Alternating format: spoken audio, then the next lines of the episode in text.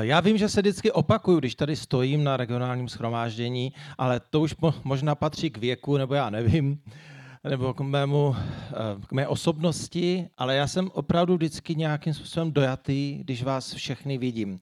A teď možná ještě mnohem víc z toho důvodu, protože já teďka začínám schromažďovat informace, data a datumy a o tom, jak vlastně tenhle ten sbor vznikl. A zjistil jsem, že ty začátky se dají všechny schovat do roku asi pravděpodobně 1985, někdo říká 84, já jak jsem to počítal, tak to vypadá na rok 85 a to už je docela dlouho.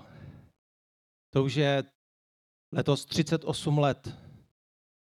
A e, pro mě to je zázrak.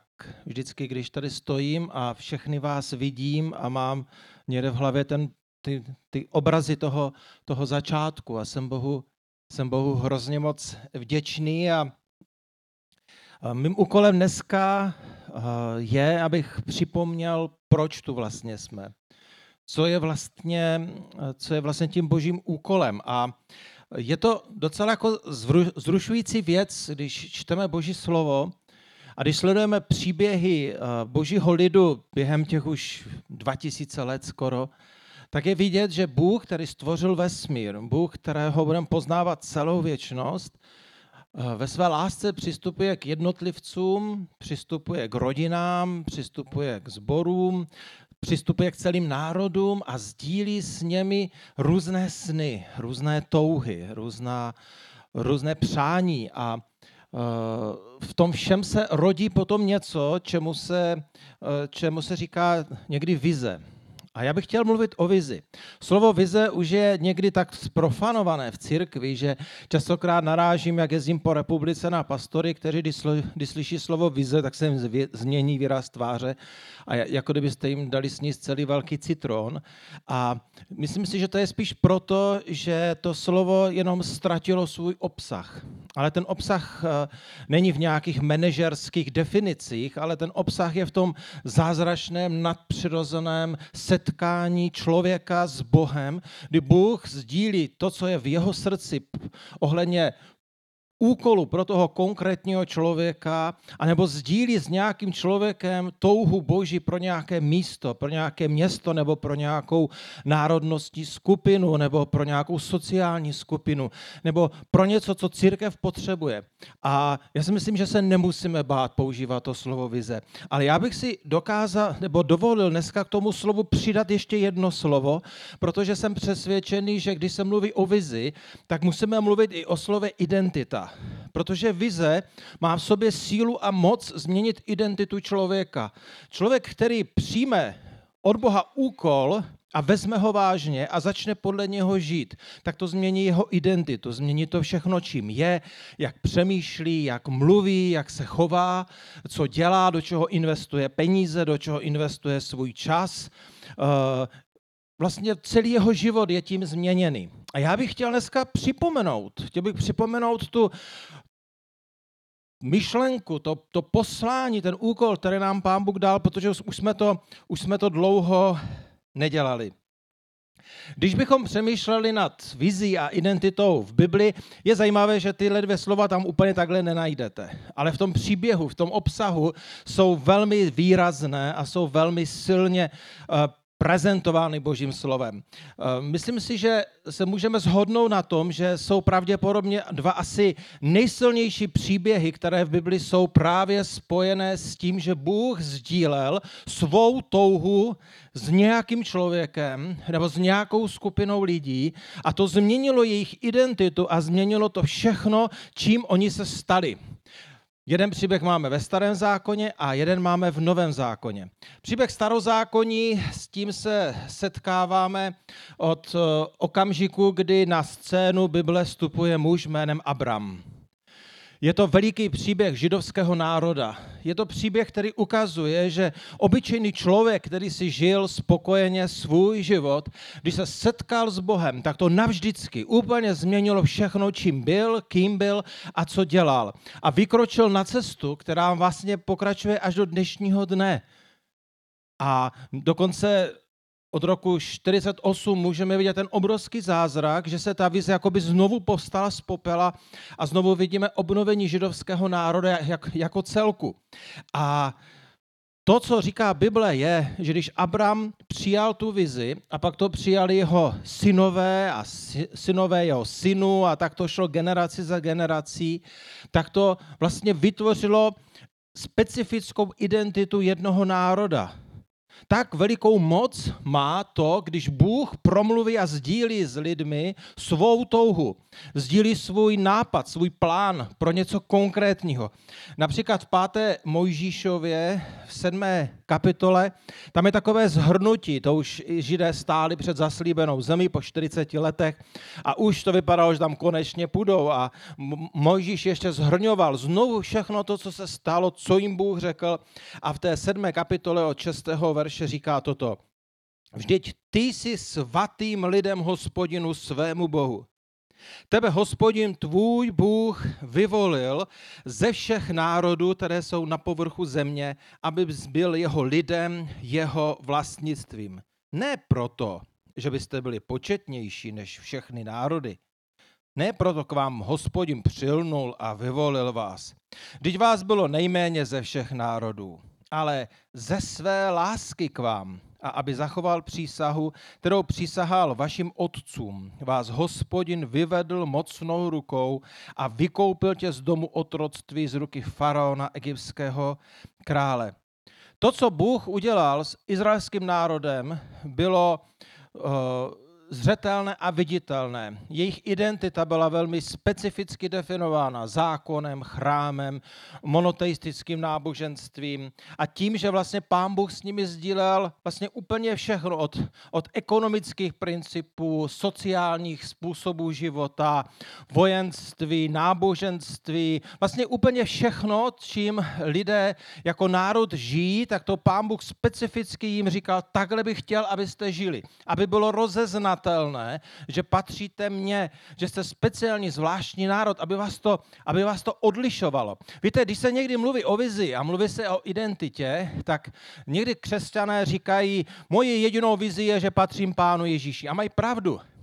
Ale víte, že Pán Bůh je ochotný a touží jít ještě dál, že vás chce nějak odlišit, je to takové zvláštní, ale vlastně Život každého člověka je něčem specifický. Pán Bůh se do něm specifickým způsobem otiskne a najednou přestaneme být splynutí jako taková, taková masa prostě, která není definovaná, ale jsme skupina lidí, kteří v Bohu se stávají jedinečnými a zvláštními lidmi.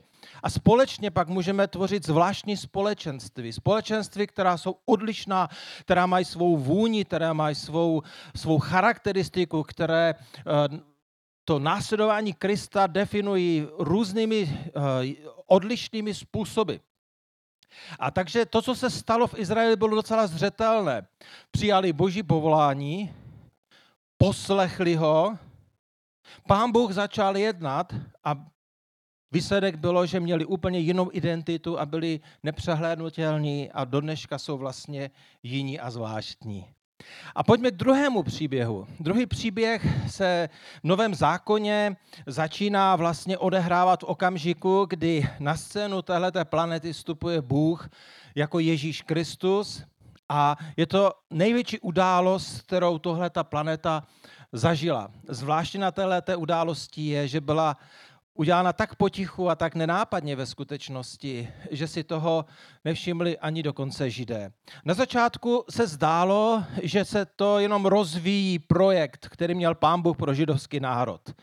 Eh, první církev byli židé a, a dál do, dodržovali Mojžíšovi zákon, jejich identita židoství byla přísně dodržována, akorát vyznávali, že ten zaslíbený mesiáš, který měl být poslaný, je Ježíš Kristus z Nazareta.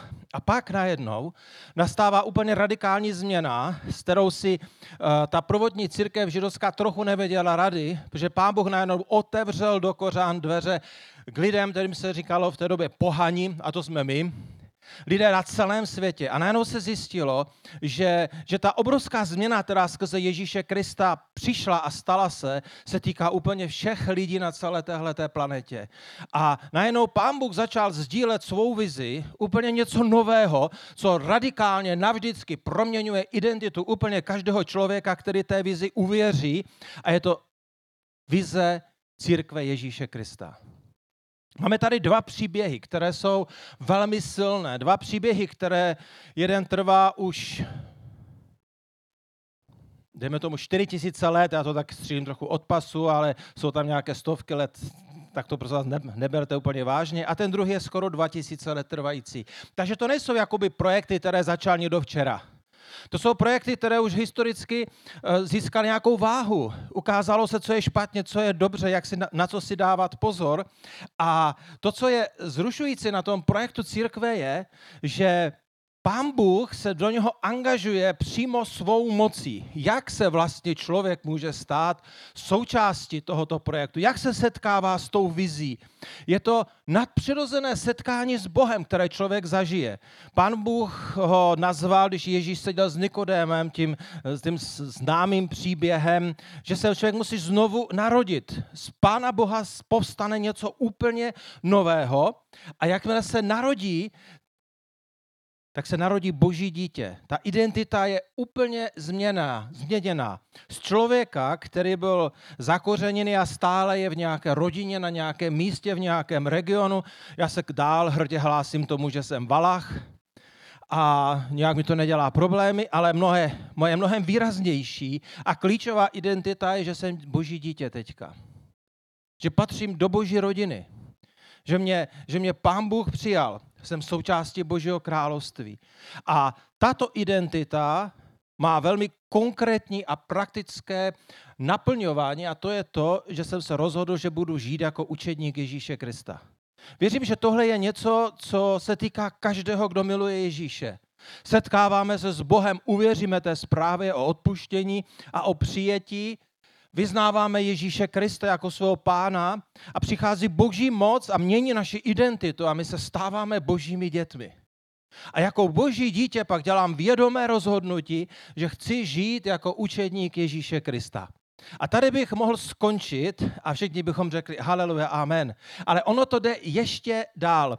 Je zvláštní sledovat a je to vidět trochu i ve skutcích apoštolských a pak v dopisech, které apoštol Pavel píše, že každé to místo, kde se křesťané jako učeníci Ježíše Krista setkávají, tak má specifickou vůni a chuť a je prostě odlišné. Je to tím, si lidé se tam schromažďují, ale je to i těma potřebama toho místa, toho, toho města nebo toho kraje. A je to taky o tom, že pán Bůh dává úkoly a že pán Bůh mluví. Že pán Bůh, on je tak přesahující nás, že on je toužící a, a rozhodnutý přijít na každé místo, kde se lidé rozhodli ho následovat a svěřit jim něco, co je konkrétně a specifické pro, ten, pro to místo, pro, to, pro ten kraj.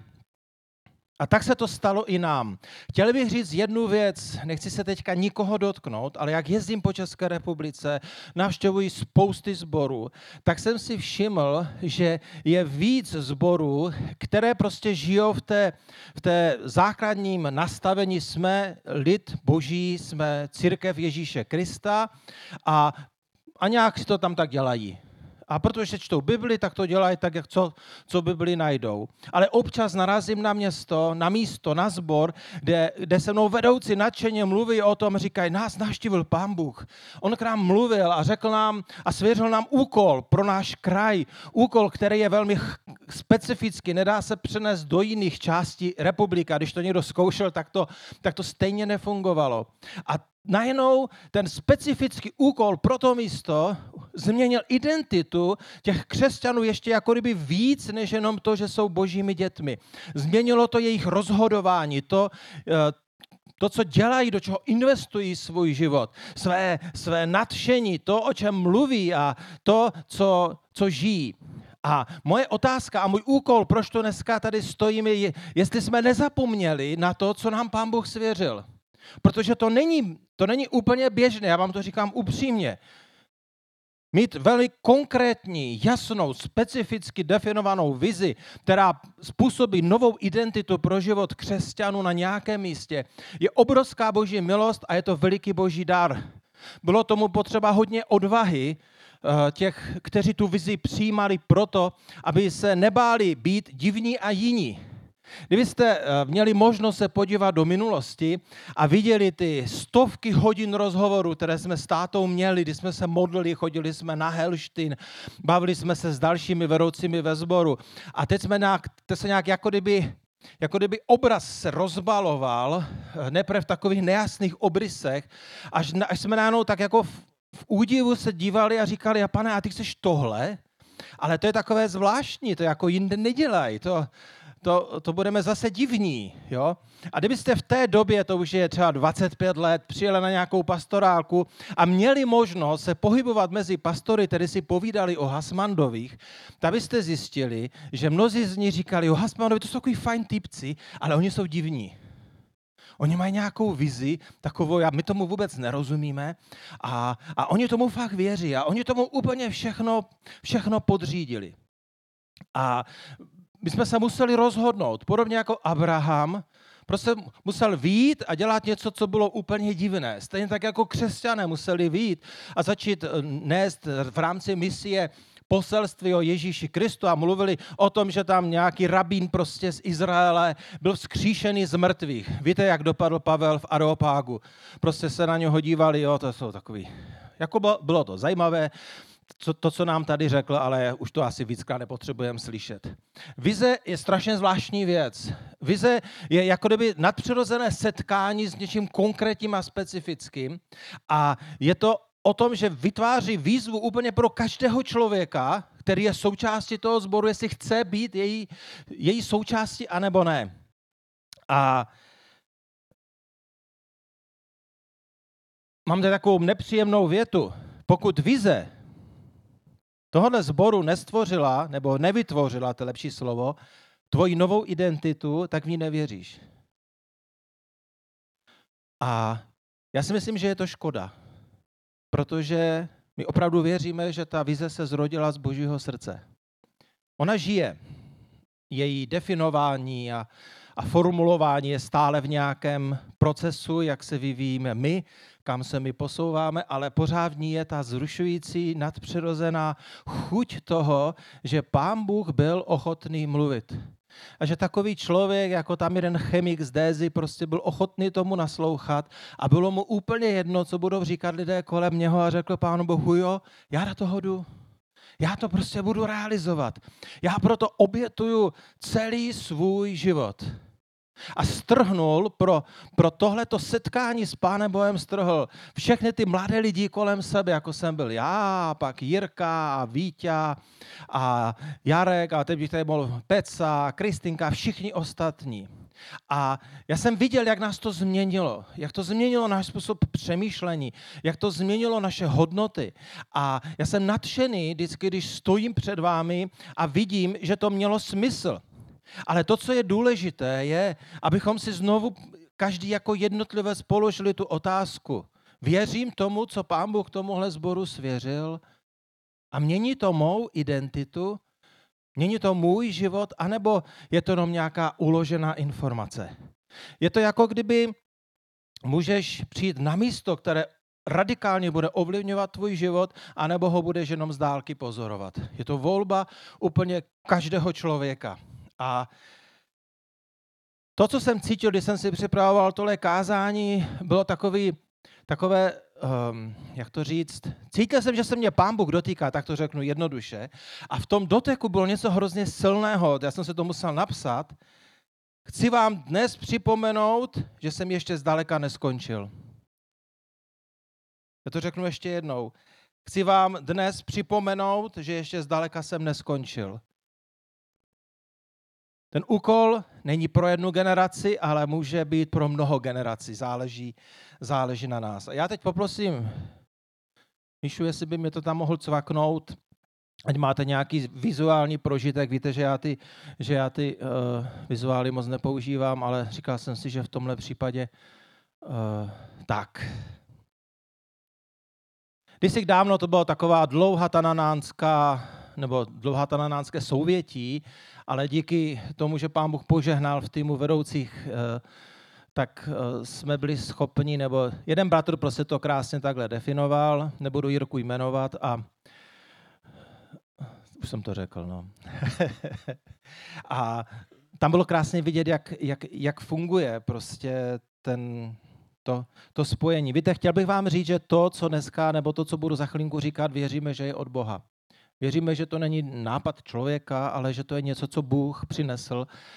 A je to cítit a vidět v tom, že to žije, že zatím stojí boží moc. Máme tady tři slova, které se dobře, ještě mi to tam vrať, prosím tě, zpátky.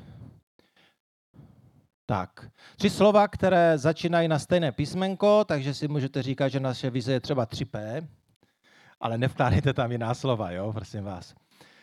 A je to slovo propojení, prostor a proměna. A já bych chtěl připomenout, čeho se, čeho se vlastně týkají. Takže hoďme tam, prosím tě, Míšo, propojení. Propojení se týká jednoduchého poselství. Věříme, že pán Bůh se rozhodl propojit lidi, spojit lidi v tomhletom regionu, v těch zborech, které zakládáme, anebo které se možná někdy nějaký připojí. A to propojení je definováno třemi základními jednoduchými myšlenkami. Máme jednu vizi, je jednoduché poselství, které nás spojuje, to jsou ty tři P. Máme jedno vedení, a máme jedny zdroje. Asi to, s čím se nejvíc setkáváme, anebo setkáváte, je to jedno vedení a jedny zdroje, protože tady vždycky vidíte stát mě a vidíte tým regionálních vedoucích a zakoušíte to, že když někde je nějaká potřeba, tak nepřemýšlíte jenom v rámci toho svého společenství, toho místa, toho města, ale vždy šaháte do velkého balíčku celého regionu. Protože my věříme, že dary, které nám Pán Bůh dal, finance, které nám Pán Bůh svěřil, eh, možnosti a zdroje jsou naše společné. Společně z nich čerpáme, společně do nich vkládáme a tím jsme se stali silnými a, a bohatými. A tím, že máme jedno vedení, ono to je velice praktické, protože když to vedení má dobré vztahy, tak nehrozí rozdělení což se v církvi Pána Ježíše z nějakého důvodu pořád tak jako různě děje. A jedna vize je jednoduchá myšlenka v tom, že nás spojuje jedno poselství. Jednoduché poselství, kterému věříme, že je od Pána Boha a na něm prostě stojíme a budujeme. Půjdeme dál. Prostor. Tady se v tom skrývá spoustu různých prorockých setkání s Pánem Bohem. Různé zjevení, různé zvláštní prožitky, které Pán Bůh během těch 38 let zboru dal. A my toužíme, aby zbor byl vždycky místem. A to je, to je hodnota, které, nebo strašně klíčová myšlenka a věc, aby Pán Bůh mohl mezi námi jednat vždycky, když přemýšlíme nad věcmi, když děláme nějaká rozhodnutí jako vedoucí nebo místní staršostva v těch městech, tak, tak si klademe jednoduchou otázku. To co, to, co chceme teď dělat, vytvoří to víc prostoru k tomu, aby pán Bůh mohl jednat, anebo mu to začne, začne bránit. Ale zároveň to znamená, že věříme ve vás Věříme v to, co vám Bůh svěřil. Věříme v dary, talenty, schopnosti a máme obrovskou touhu a chceme, aby zbor byl místo, kde budete moct v nich růst a budete je moc používat. To je pro extraverty úžasná zpráva, protože se konečně mohou někde realizovat v Bohu. Pro introverty to je trochu taková velká výzva, protože to znamená vylézt ze svého stínu, polostínu nebo úplné tmy a vydat se jako kdyby eh, na ten prostředný stůl. Víte, eh, v tomhle tom je schovaná jedna věc. My víme, že jsme lidi, že zápasíme s hříchem, že máme své slabosti a děláme věci mnohokrát nedokonale. Ale my se navzájem přijímáme, takový, jací jsme a milujeme se a chceme, aby zbor byl vždycky místo bezpečí. Místo, kde budete přijati, ať se ve vašem životě děje cokoliv. Takže nejen boží jednání, boží moc, boží přítomnost, v tom je třeba schováno to, že se modlíme za probuzení. Očekáváme, toužím, aby pán Bůh jednal. Neumíme ho vyvolat, to bychom už dávno udělali. Ale prostě uh, nechceme se nikdy jako kdyby spokojit s tím, co máme. Jsme takový, uh, jak říkal můj táta, takové to slovo, které jste už možná zapomněli, jsme taky pochtivní Když tak já vám to potom vysvětlím, co to znamená. Tahle to hasmandovské slovo. Půjdeme dál. Poslední slovo eh, vlastně znamená výsledek. Věříme, že pokud se společně budeme propojeni a dovolíme Bohu, aby jsme, aby jsme nevzdali nikdy jednotu, aby jsme nikdy ne, nevzdali to, že jsme jeden celek, že jak budou přibývat další a další sbory, tak jenom poroste do naše společenství. Věříme, když dáme prostor Božímu duchu všude, každý den, v našich životech, na skupinkách, na schromážděních, takže to způsobí, že Bůh svou mocí skrze naše životy promění životy lidí, naše životy a promění vlastně celý ten region. A tady jsou znovu schované tři věci, eh, které kdysi dávno byly takovou, takovým jako kdyby červeným písmem napsány skrze různá proroctví a silná setkání s Bohem. Jsou schovány v těch schovech uctívání, Bůh hovoří a naslouchá, protože věříme, že, že místo, kde Pán Bůh chce jednat, je to místo, kde ho uctíváme v chvále, místo, kde věříme, že Pán Bůh mluví, kde chceme, aby byly proroctví, aby byly zjevení a slova moudrosti a všechny tyhle ty věci a věříme, že nám Pán Bůh naslouchá, proto věříme v sílu a moc modlitby. Takže eh, to je to, je to co Pán Bůh nám dal. To je velmi specifické uh, prohlášení, velmi konkrétní vize, kterou už vlastně kdybych řekl, že jí nesem 38 let, tak to není úplně pravda. Ona se rodila během těch prvních deseti let a pak se neustále nějak vyvíjela. Ale to je to, co věříme, že Pán Bůh stále mluví a on se v tom nezměnil. Pán Bůh, když se na nás dívá, tak cítí tu vůni a tu identitu nás a, a volá nás a, řík, a říká, chcete dál toho být součástí, protože já chci. Já mám ještě mnoho, mnoho plánů, mám mnoho ještě záměrů, ještě spoustu věcí, které bych skrze vás rád udělal. A ta vize to je to, co nás společně spojuje. To je to, co nám dává smysl, to, co ovlivňuje naši identitu, to, do čeho investujeme, to, kým jsme, svůj čas, finance a všechno. A co úplně na závěr, ještě mi to tam klikni, Věříme, že toto je cíl, ke kterému máme společně jít. To klíčové je to slovo společně vize, pokud není společná, pokud se nestane společnou, tak je jenom snem jednotlivce. A to bychom nechtěli.